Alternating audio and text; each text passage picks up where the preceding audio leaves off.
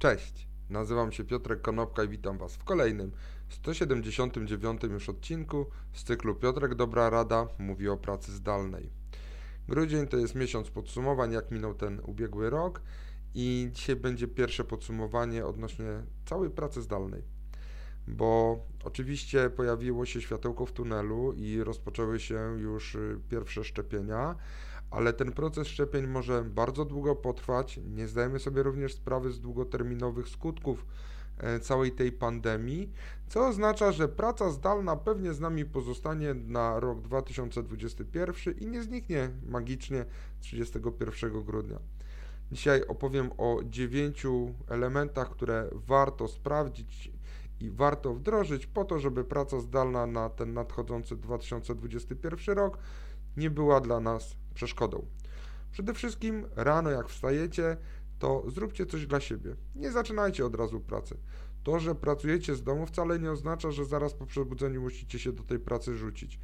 Zjedzcie z rodziną wspólnie śniadanie, wyjdźcie z psem, zróbcie jakieś ćwiczenia fizyczne, ewentualnie tak jak ja na przykład uczę się języka szwedzkiego codziennie rano. I dopiero później zaczynajcie pracę. Po drugie, zdefiniujcie swoją przestrzeń.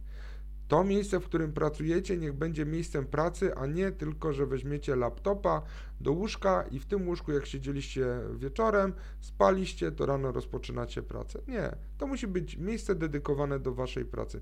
Wasza przestrzeń pracy. To pozwoli oddzielić życie prywatne od życia zawodowego i wasza psychika będzie temu wdzięczna, temu rozdziałowi. Po trzecie, jeżeli jest taka możliwość, to niech to będzie wydzielony pokój. Natomiast jeżeli nie ma wydzielonego pokoju, to zadbajcie o to, żeby oddzielenie tej przestrzeni do pracy od przestrzeni prywatnej było również ograniczone czymś fizycznie, na przykład wywieszeniem kartki uwaga pracuje, założeniem słuchawek na uszy itd., tak itd. Tak Sami zdecydujecie, w jaki sposób możecie nawet mentalnie zamknąć drzwi do tego waszego pokoju w pracy, bo wtedy wasza rodzina będzie wiedziała, że pracujecie. Po czwarte, wyłącz dystraktory. Przede wszystkim wycisz telefon, kiedy pracujesz koncepcyjnie. Można tak zdefiniować wszystkie przeszkadzajki w telefonie, że powiadomienia tylko od Waszych najbliższych będą się przebijały. Wyłączcie wszystkie powiadomienia w Messengerach, Slackach i innych Facebookach, które y, pikają Wam na komputerze. To pozwoli Wam skupić się na Waszej pracy. Jako krok numer piąty, przede wszystkim podziel swój czas, pogrupuj swój czas na te rzeczy, które są ważne, które są istotne, postaraj się je zblokować w jednym miejscu i na przykład na początku każdego dnia zajmij się rzeczami najważniejszymi bądź najpilniejszymi. Zdefiniuj sobie po prostu, jak ten dzień powinien wyglądać.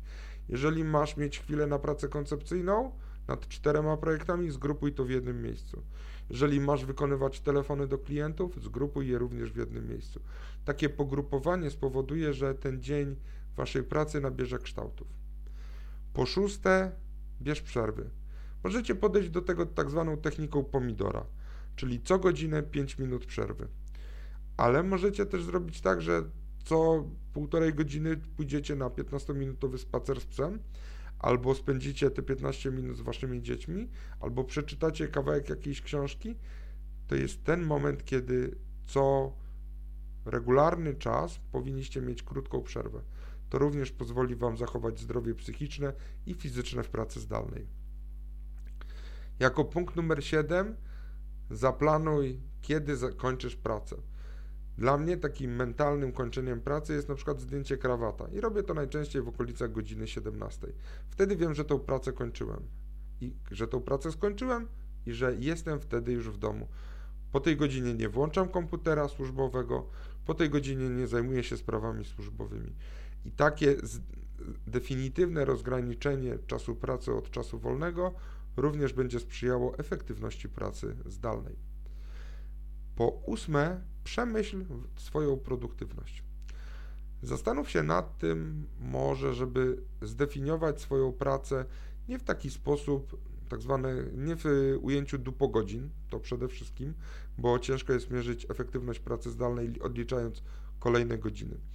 Ale jeżeli masz na przykład zdefiniować swoje zadania liczbą wykonanych telefonów, to być może ten cel powinien być nie liczba wykonanych telefonów, ale liczba nowych klientów pozyskanych dla firmy. Ustalenie takiego celu, który jest spójny z celami firmy, pozwoli ci lepiej pracować. Być może będziesz pracował krócej, ale wtedy nie ma to znaczenia, bo dowozisz te wyniki, na które się umówiłeś ze swoim pracodawcą. I jako punkt numer 9, przede wszystkim porozmawiaj z kimś na temat Twojego dnia pracy. Z żoną, z przyjaciółką, z dziećmi, na temat tego, co się wydarzyło, tak żeby można było taką pięciominutową konwersacją zamknąć ten dzień odpowiednią klamrą. W ten sposób wasze dni w pracy zdalnej, w trybie awaryjnym, czyli pracujemy tam skąd musimy, nie będą się rozmywały i to nie będzie jeden długi dzień, kiedy ciągle jesteście w pracy, bo nie wiecie, kiedy macie z niej wyjść. Mam nadzieję, że kiedyś ta pandemia się zakończy i ta praca zdalna z nami zostanie, ale zostanie nie w modelu awaryjnym, a w modelu docelowym, czyli pracuję tam skąd chcę. Dzięki serdeczne, do zobaczenia i usłyszenia jutro. Na razie.